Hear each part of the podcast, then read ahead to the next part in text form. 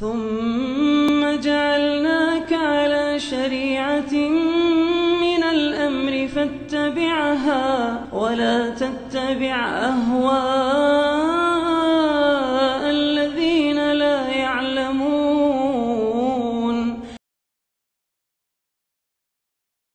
بسم الله الرحمن الرحيم. الحمد لله رب العالمين والصلاة والسلام على المبعوث رحمة للعالمين.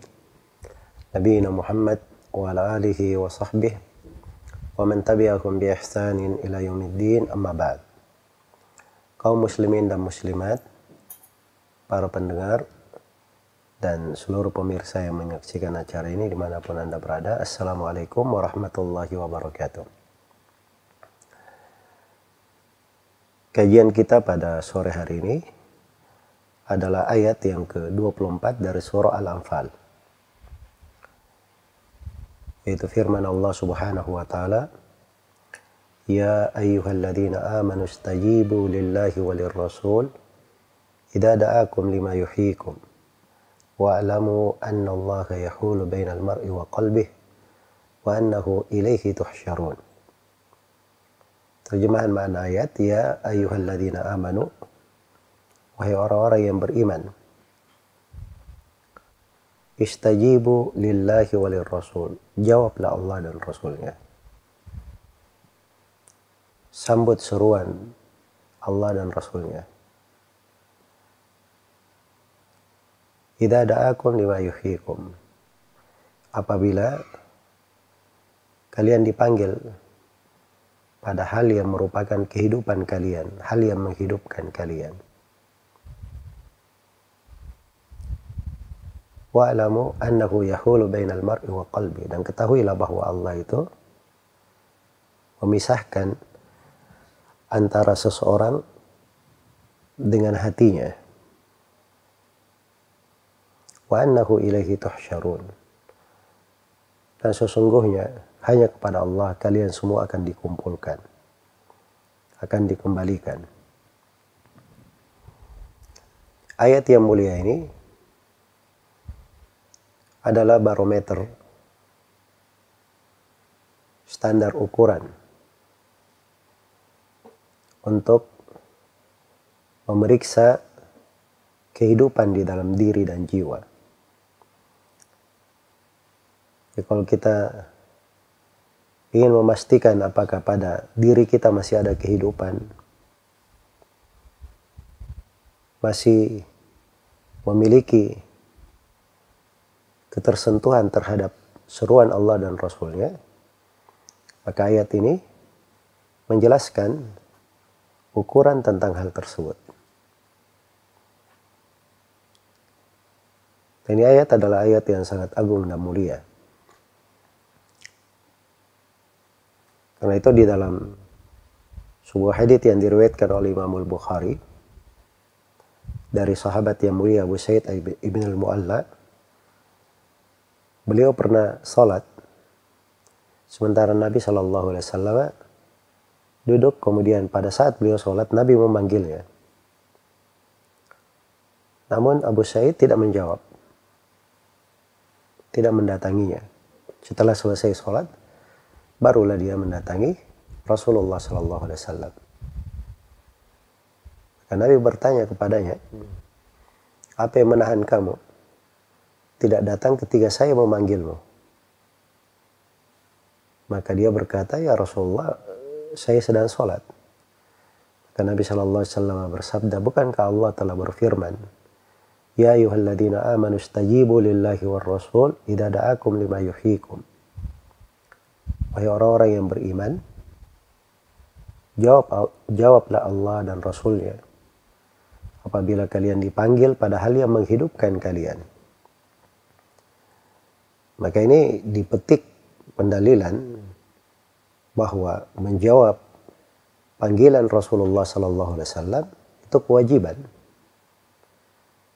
Ya, kalau seorang sholat pun Nabi memanggil, dia datangi Rasulullah Sallallahu Alaihi Wasallam. Nah, ini dipakai oleh para ulama ahli fikih untuk menjelaskan boleh memutus sholat kalau ada perkara wajib lain yang mendesak.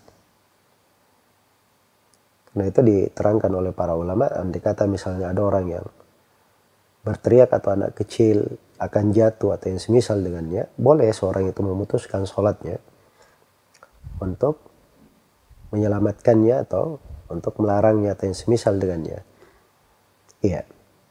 Kemudian dia lanjutkan sholatnya dan itu tidak bermasalah.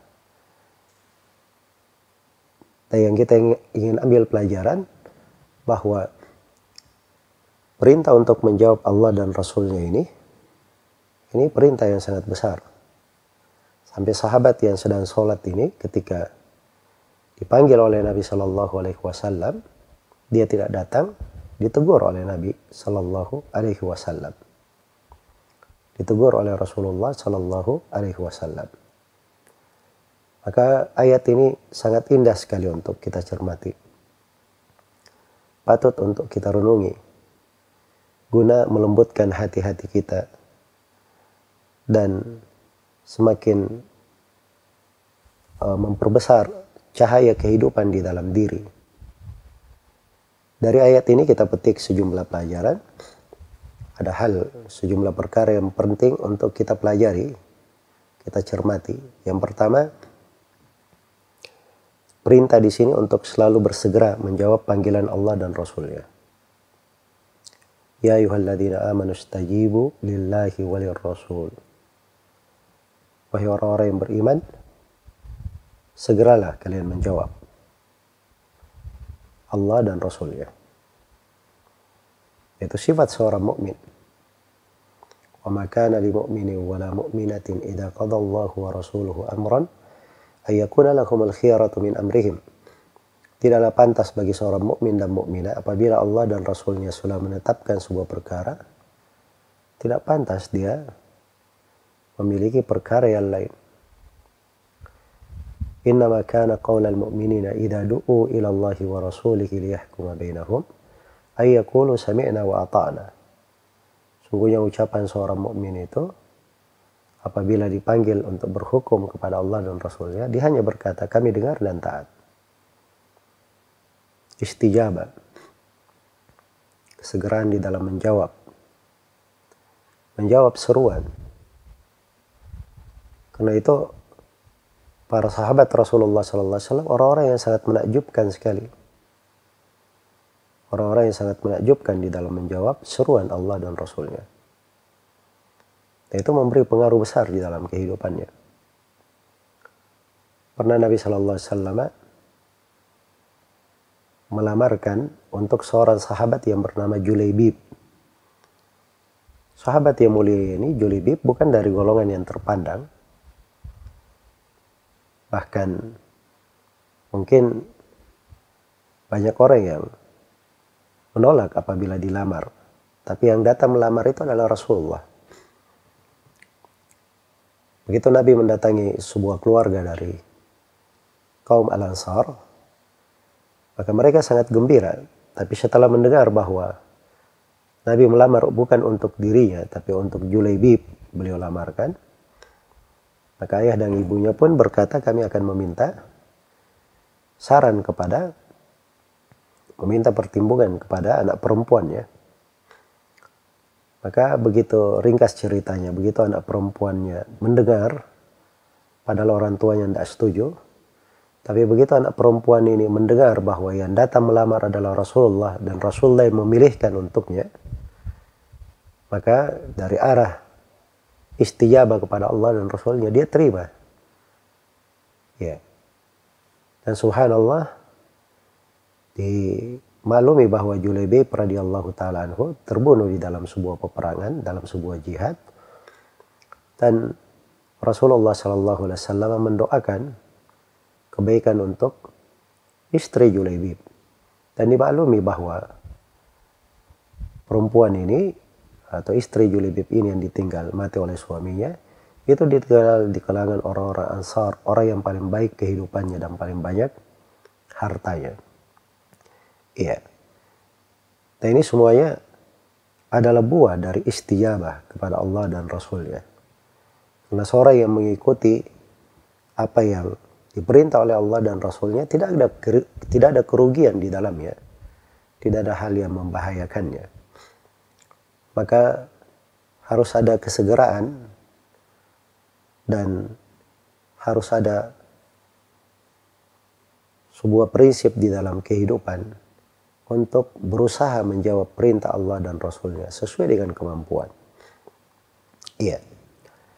Kemudian yang kedua dari ayat ini terdapat kaidah untuk memperbaiki kehidupan dunia dan akhirat. Agama itu kehidupan. Karena bahasanya dalam ayat idza da'akum lima yuhyikum Suruhan Allah dan Rasulnya itu menghidupkan kita. Membawa kita kepada kehidupan yang hakiki. Kehidupan yang sebenarnya. Kehidupan yang sebenarnya. Karena ada orang-orang yang tidak merasakan kehidupan yang sebenarnya. Mungkin kalau hidup dalam bermana, berjalan, beraktivitas, makan dan minum. Betul, itu hidup di kalangan manusia. Tapi mungkin saja dia tergolong orang-orang yang mati di dalam pandangan syariat. Sebagaimana firman Allah Subhanahu wa taala, "Awaman kana maitan fa ahyaynahu wa ja'alna lahu nura fa huwa yamshi bihi fin nas kaman mathaluhu fi dhulumati laysa bi minha." Apakah orang yang tadinya dia mayat lalu kami hidupkan dia, kami beri untuknya cahaya. Dia berjalan di tengah manusia dengan cahaya itu. Ini orang yang tadinya mayat, terus dihidupkan. Dihidupkan dengan apa? Itulah kehidupan dengan keimanan, dengan keislaman, dengan menjawab perintah Allah dan Rasulnya. Dia mendapat cahaya berjalan di tengah manusia dengan hal itu. Apakah orang yang seperti ini sama dengan orang yang tetap mayat, bangkai di dalam kegelapan tidak mau keluar darinya?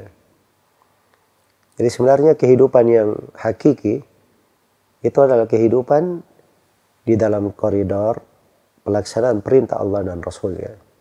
Dalam batasan-batasan yang telah ditetapkan oleh Allah dan Rasulnya. Itulah kehidupan yang sebenarnya. Maka untuk kehidupan inilah kita berusaha untuk meraihnya. Karena itu di ayat yang lain dikatakan man amila salihan min takarin au untha wa huwa mu'min falanuhyiyannahu hayatan tayyiba.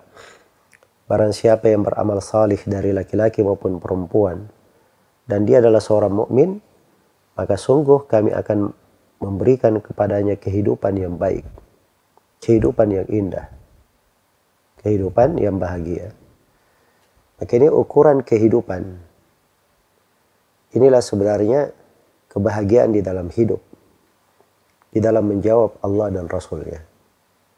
Dan ini tidak dirasakan kecuali oleh orang-orang yang ada di dalamnya. Orang-orang yang melaksanakan perintah Allah dan Rasulnya. Adapun orang-orang yang jauh dari agama, apalagi dia banyak meninggalkan kewajiban, melanggar hal-hal yang diharamkan, maka fakidus syai'la yu'ti. Orang yang kehilangan sesuatu tidak bisa merasakan hal yang seperti itu. Iya. Kemudian yang ketiga, dari kaidah bahwa agama ini uh, adalah sumber kehidupan. Agama ini adalah sumber kehidupan. Dan ini pokok perkara yang hendaknya selalu diperhatikan.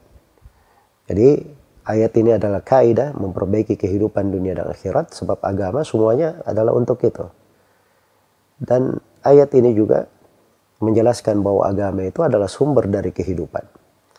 Kemudian yang keempat, Ayat ini juga memberikan kepada kita semua sebuah motivasi agar supaya selalu memperbaiki dan mengawasi kondisi hati.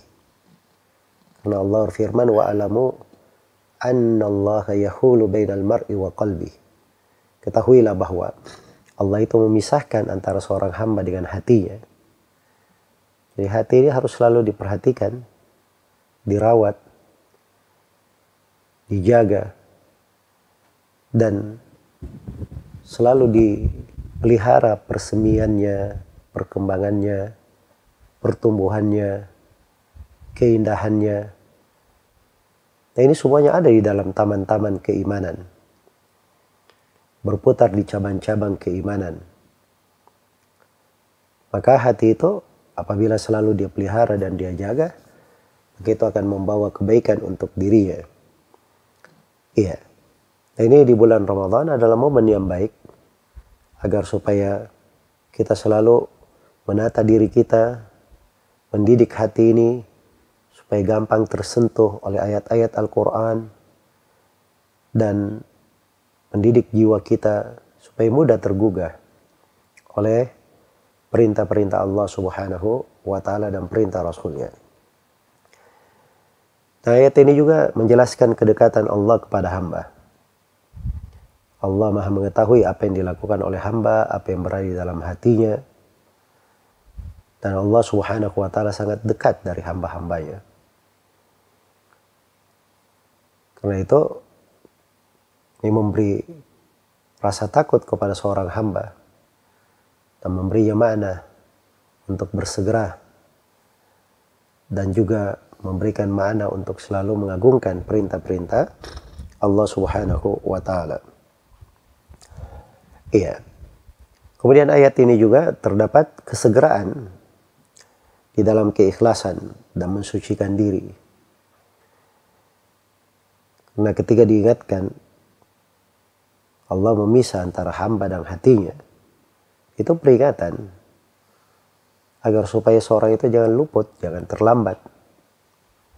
Dia bersegera, bersegera untuk selalu menyambut seruan Allah dan Rasulnya bersegera untuk menyambut hal-hal yang dengannya terdapat kehidupan hati dan terdapat kebaikan jiwanya. Dan di akhir ayat dikatakan wa annahu ilaihi tuhsyarun. Dan sesungguhnya kalian semua akan dikumpulkan kepada Allah Subhanahu wa taala. Hanya kepadanya kalian akan dikumpulkan. Ini kaidah untuk selalu mengingat akhir kesudahan, akhir dari kehidupan ini, kesudahan yang yang akan menjadi ketetapan atas setiap manusia. Setiap dari kita akan dikumpulkan kepada Allah, akan menghadap kepada Allah Subhanahu wa taala. Ini harus selalu diingat berdiri di depan Allah itu ada yang harus dipertanggungjawabkan. Ada pertanyaan yang harus kita jawab. Dan di sana hanya ada dua golongan. Faminhum syaqiyun wa minhum sa'id. Di antara mereka ada yang merugi dan di antara mereka ada yang beruntung. Fariqum fil jannati wa fariqum fis sa'ir. Satu golongan berada di dalam sorga dan satu golongan berada di dalam neraka yang menyala-nyala waliyadzubillah. Maka harus selalu diingat bahwa kita semua akan dikembalikan kepada Allah. Dan ini kaidah besar sekali. Yang sangat menyentuh hati, menggugah jiwa. Kita di kondisi apa saja, kita selalu mengingat hal itu.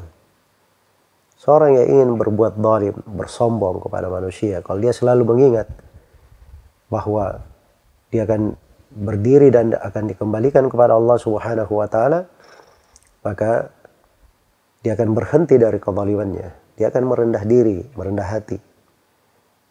Mempersiapkan bekalnya. Karena itu selalu diingat wa annahu ilaihi tuhsyarun. Sesungguhnya hanya kepada Allah kalian semua akan dikembalikan. Dan ayat, ayat ini juga terdapat celaan seorang itu terlalu panjang angan-angannya. Terlalu panjang angan-angannya. Seorang hamba itu dia manfaatkan waktu yang ada kesempatan yang Allah berikan. Segera dia gunakan pada hal yang baik. Jangan banyak dia undur. Nanti-nanti. Oh, akan datang nanti Ramadan tahun depan. Iya. Siapa yang tahu bahwa seorang itu dia masih hidup pada hingga akhir Ramadan ini. Apalagi dia mengetahui dia masih hidup pada Ramadan yang akan datang. Tidak ada yang tahu akan hal tersebut. Karena itu jangan terlalu panjang angan-angan. Tetapi seorang berusaha untuk memaksimalkan dari kesempatan, dari kehidupan, apa yang dia miliki, dia bersegera, jangan dia mengundurnya.